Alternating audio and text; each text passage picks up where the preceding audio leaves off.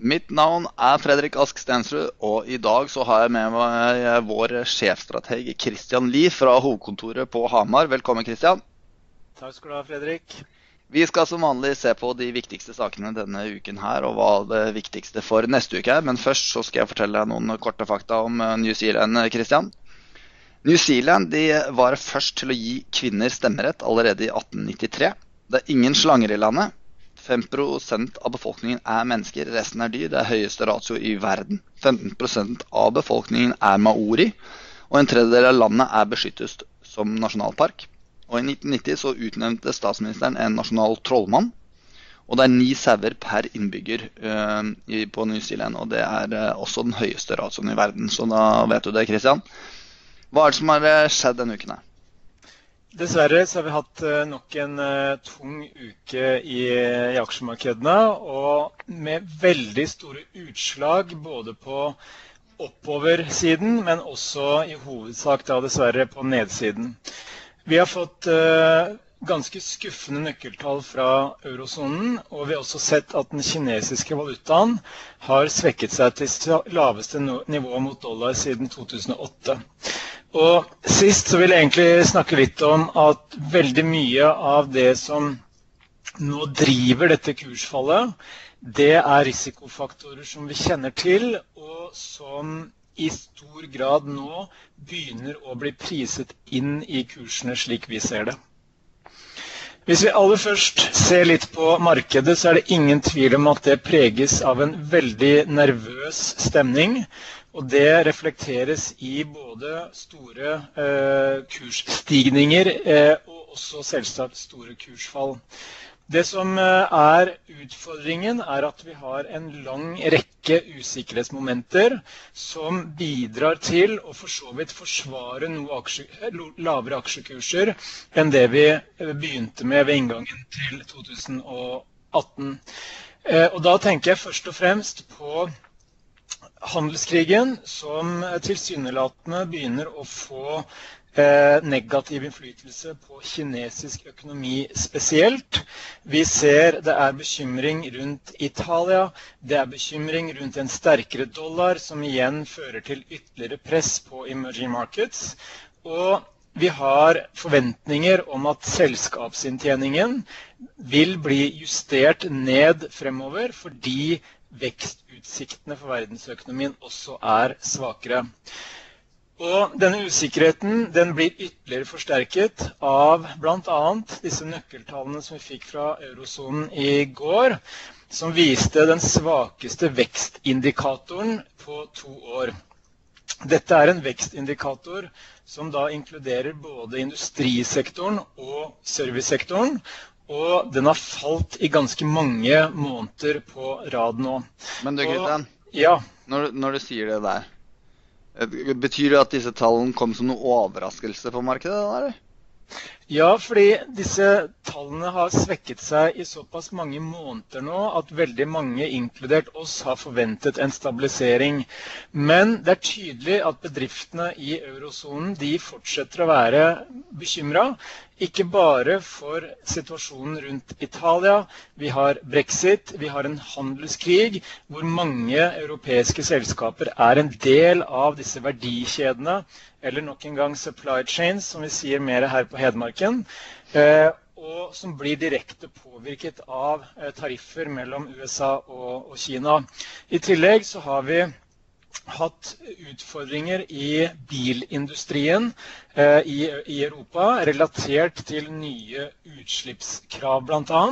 Som har ført til at den tyske sentralbanken den uken her faktisk varslet om nullvekst i tysk økonomi i tredje kvartal. Rett og slett pga. en oppbremsing i bilproduksjonen i landet som følge av disse uh, utslippskravene, dog midlertidig produksjonsoppbremsing. Så det er mange ting ting som påvirker, og som gjør at eh, man blir usikker som investor i forhold til utsiktene for europeisk eh, økonomi. Og vi har også sett jeg tror, de siste 32 av 33 månedene så har det vært netto innløsning i europeiske aksjefond. Så kapitalen flyter bort fra Europa. Det er, jo litt uh, enkelt selvfølgelig i retrospekt å, å forklare de reaksjonene som vi har sett nå. Det er ikke like enkelt å forutse det i forkant, selvfølgelig. Men, men er det på, på, en måte Jeg kan ikke helt forstå at noe som I hvert fall av de større økonomiske linjene Det bør jo på en måte være noe som ligger under huden i markedet, og derfor kanskje ikke klarer å fremprovosere de største utslagene, som på kort sikt i hvert fall. Men det, kan, kan det være et resultat at det er flere av disse faktorene oppå hverandre som skaper den type utslag som vi har sett nå siste uke? Definitivt. Og det man er redd for, det er jo at uh, utsiktene for verdensøkonomien skal svekkes mer enn det som på en måte har vært forventet uh, blant makroøkonomer, analytikere og investorer.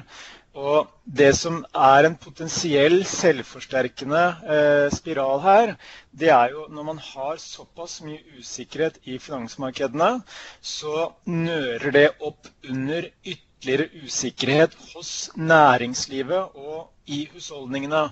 Og på marginen så kan jo den usikkerheten føre til at bedriftene avventer investeringer som de kanskje hadde planlagt. De velger kanskje å bli litt mer forsiktige med å sysselsette nye mennesker, fordi etterspørselsbildet kanskje blir litt mer uklart. Og sist, men ikke minst, så vil jo økt usikkerhet hos husholdningen også kunne føre til at man velger å utsette eh, den oppussingen av huset som man hadde planlagt, eller bilkjøp eller andre ting som egentlig er veldig viktig for den økonomiske veksten. Så svaret er ja. Dette er en sammensetning av mange forskjellige ting. Det som også er med på å bekymre investorene nå, det er jo denne valutasvekkelsen. og Det gir jo noen litt sånn vonde minner eh, fra høsten 2015 og inngangen til 2016, da vi hadde en devaluering av den kinesiske eh, valutaen som for så vidt var styrt av, av, myndighetene. Men da hadde man en frykt for en, en nedsmelting i kinesisk økonomi, og at det også skulle gi globale ringvirkninger.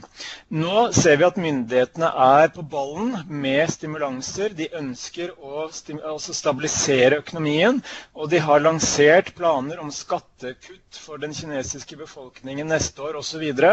så vi tror at gradvis så vil vi se en stabilisering, men så lenge valutaen fortsetter å svekke seg, så er det for så vidt bra for den kinesiske eksportsektoren, fordi det øker konkurransekraften. men fordi at denne valutasvekkelsen er en vond eh, bær og bør og bære, heter det vel. Eh, for amerikanerne eh, så er jo dette noe som kanskje tilspisser retorikken og konflikten i forhold til denne handelsgreia mellom USA og Kina. Og når man har en sterkere amerikansk dollar, svakere kinesisk valuta, så er det med på å øke handelsoverskuddet som Kina har, og handelsunderskuddet som Trump er så forbanna på.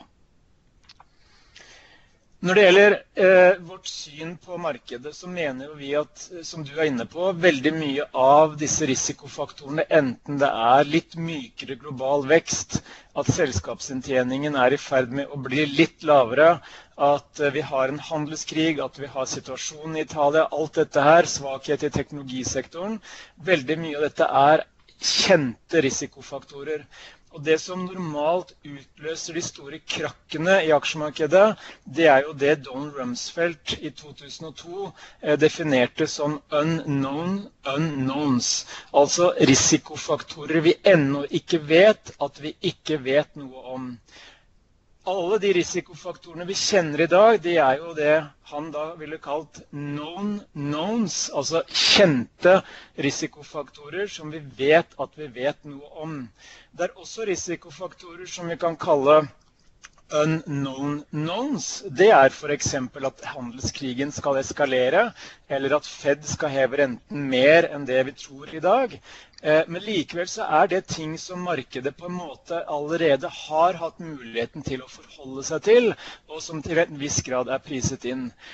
Vi mener økonomien fortsatt er for bra, og at selskapsinntjeningen og utsiktene fortsatt er for bra til at dette skal være starten på en, en alvorlig krise i, i markedet.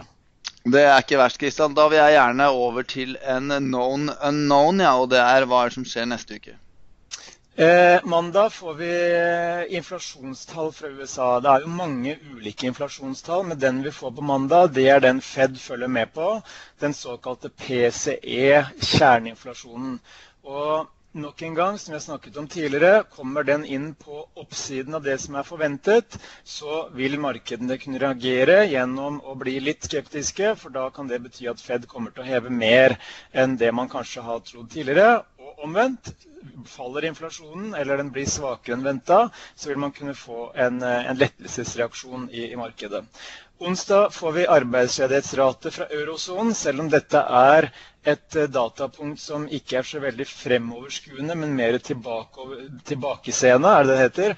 Så er poenget her at eh, noe av det som vi eh, bærer vår relativt moderate, optimistiske forventning når det gjelder økonomien i Europa på, det er nettopp at eh, veksten er fortsatt over trend. Det betyr litt høyere vekst enn normalt.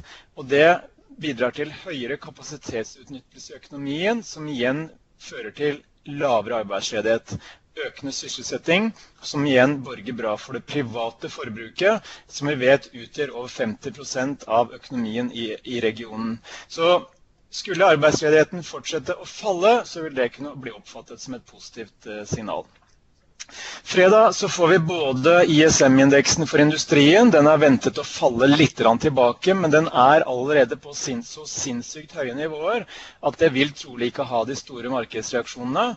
Og så får vi da samtidig eh, arbeidsmarkedsrapporten, hvor det nok en gang er ventet en ganske solid eh, arbeidsmarkedsrapport.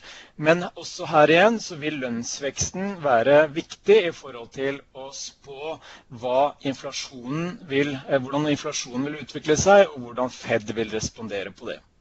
Yes, jeg skal uh, oppsummere de viktigste sakene neste uke. Uh, før det skal jeg selvfølgelig ta markedsbevegelse siste fem dager. Og vi skal også besøke uh, aksjeolympiaden Christian og Fredrik 2018. Men før det så må jeg si Christian, jeg vet dette er veldig hardt og vanskelig for deg Og skulle måtte forlate Hamar, men neste fredag tror jeg du må komme inn her, for den lyden som du har i mikrofonen din, er utrolig dårlig, rett og slett. Men det er ikke så farlig, for nå er det meg som prater i hvert fall et, en liten stund. Eh, og neste, nei, forrige uke så sa jo vi Christian, at eh, altså en, en, en, sunn skepsis i markedet kan være med å dempe urolighetene.